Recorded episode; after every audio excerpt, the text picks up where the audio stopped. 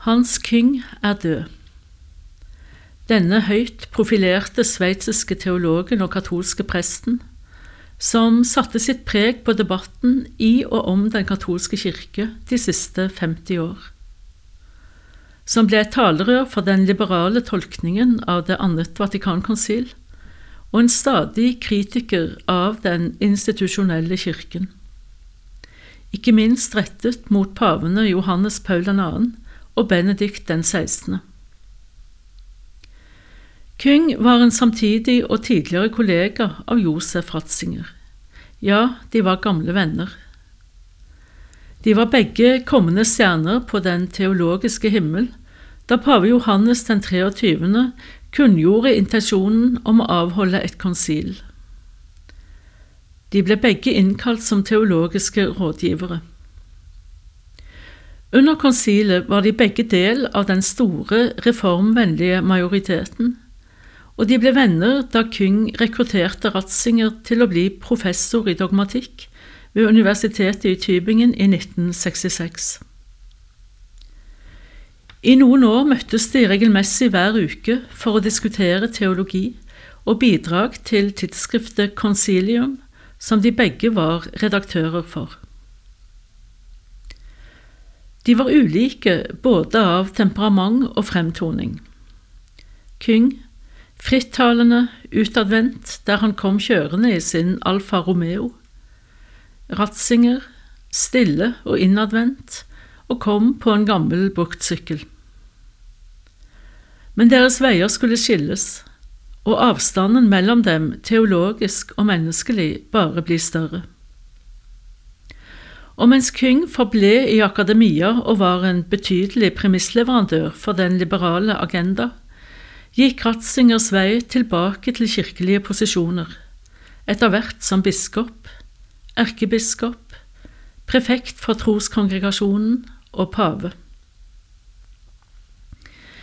Kyng mistet i 1979 retten til å virke som katolsk teolog.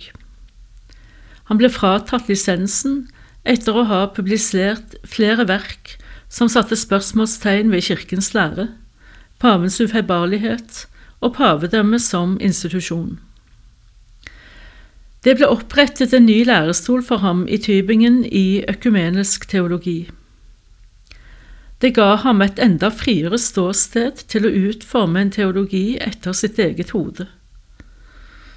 Han gjorde seg til talsmann for interreligiøs dialog, og i de senere år leder for en stiftelse, Velt Ethos, hvor et bærende element er troen på at verdensreligionene sammen kan skape grunnlag for fred. Han ble imidlertid ikke avsatt som prest, til tross for en vedvarende kritikk av kirken i alminnelighet og Ratzinger Benedikt 16. i særdeleshet. Omtalene av hans tidligere venn og kollega var harske, og bidro sterkt til medienes negative bilde av pave Benedikt som stor inkvisitor, leder for KGB og lignende. Det får nå være som det vil. Her skal vi tilbake til konsilet og se på hvordan disse to ulike stemmene, Ratzingers og Kyngs, kan stå som eksponenter for utviklingen og motsetningene etter konsilet. Begge var altså teologiske rådgivere under konsilet, men spilte helt ulike roller. Mens Ratzinger var den tyske kardinal Frings taleskriver og bidro substansielt til utformingen av flere av konsildokumentene, deltok ikke Kyng i tekstarbeidet. Han var heller ikke med i noen kommisjon.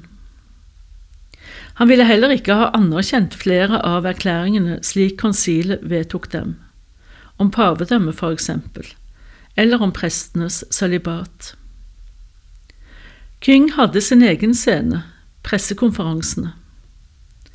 Rett etter hver samling løp han til Petersplassen hvor journalistene var forsamlet, og ga dem nyheter. Han fikk kritikk av kardinal Ottaviani. På det tidspunktet var Ottaviani prefekt for troskongregasjonen, eller Det hellige offisium som det fortsatt het, en konservativ røst og en fremtredende aktør ved konsilet. Han ledet også den teologiske forberedelseskommisjonen. Ottaviani ba altså Kyng holde igjen, men dette var en del av Kyngs egen strategi. Han behersket mediene og ble da også medienes yndling, og preget offentlighetens oppfatning av konsilet. Mens Ratzinger på sin side bidro til utforming av tekstene, og skulle bruke de neste 50 årene på å forsvare og forklare konsilets innhold mens han selv ble anklaget for å ha forrådt konsilets idealer. Kyng fortsatte i årene som fulgte sin radikale kirkekritikk, og forble medieyndling, mens Ratzinger utfordret tidsånden og ble hatobjekt for den samme mediemakten. Utad vant det liberale narrativet, ikke på grunn av det konsilet faktisk sa, men en kritisk liberal teolog som hadde mot til å opponere mot det som mange oppfattet som den gamle inkvisitoriske garde og deres maktbegjær, var lett å selge. Jeg nevnte tidsskriftet Konsilium, som Kyng og Ratzinger var redaktører for. Flere av de store vatikanteologene bidro der, men etter 1972 var Ratzinger en av flere grunnleggere bak et nytt tidsskrift, Communio, et mer konservativt motstykke til konsilium. Ved siden av Ratzinger sto bak dette initiativet blant andre von Balthazar de Lubac kongar. Kirkens selvforståelse var et kjernepunkt ved konsilet og på sett og vis illustrerer navnene på de to tidsskriftene to ulike tilnærmingsmåter. Konsilium står for Kirken som rådsforsamling, Communio som Kirken som eukaristisk, gudstjenestefeirende fellesskap. Mens Kyngs konsilium hadde artikler om kommunikasjon i kirken og kvinner i en mannsbastion, hadde Communio titler som Kirkens enhet, Menneskehetens enhet eller Foranderlig og uforanderlig i Kirken. Kyngs strategi var på mange måter en motstrategi, mot paven, mot overleveringen, mot dogmene. Noe von Balthazar svarte på i Kommunio med Den som vil ha mer handling, må fordype seg mer. Den som vil forme og utvikle, må lytte og be dypere. Konsilium så seg som representant for fremskrittet som endelig skulle få innpass i kirken, mens Communios etos var sentire cum ecclesia, å tenke med kirken. På den ene siden forbli trofast mot kirkens overlevering og læreembete, på den annen side være åpen for dialog med verden. Hvor skal det seg mellom Josef Ratzinger og hans gamle professorkollega? En vanlig fremstilling vil ha det til at Ratzinger ble så skremt av studentopprøret i 1968 at han av den grunn trakk seg tilbake og gikk fra å være reformvennlig til å bli reaksjonær. Men ifølge Ratzinger selv så han under konsilet mulighetene for en utvikling som han ikke kunne være med på. Pave Emeritus sier i dag at han står for det konsilet står for, at han ikke har endret syn på tekstene og deres innhold, og at tekstene står fullt ut i troens kontinuitet, men at den kirkelige kontekst er vesentlig forandret. Biografen hans, Peter Sevald, spør ham om han var for naiv, om han trodde for mye på at en riktig teologi ville få alt til å falle på plass i kirken. Benedikt svarer at han ikke kunne forestille seg feilutviklingene etter konsilet, f.eks.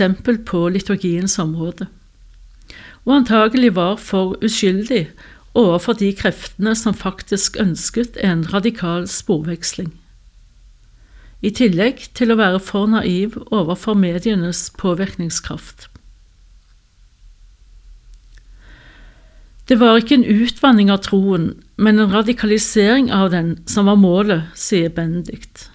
En begynnende ny evangelisering av verden. I stedet måtte han se at det ikke var sannheten, men moderniteten selv som ble målestokken. Enhver sann reform er en radikalisering, en troens radikalisering, ikke en uttynning av den, et forsøk på å kvitte seg med ballast for å bli lettere å selge. Med en uforholdsmessig tilpasning til verden vil ikke Kirken vinne sjeler, sier Benedikt men bare miste seg selv. Helt til slutt. Da pave Bendik den 16. var installert som pave i 2005, inviterte han Hans Kyng til en samtale. Den varte i fire timer.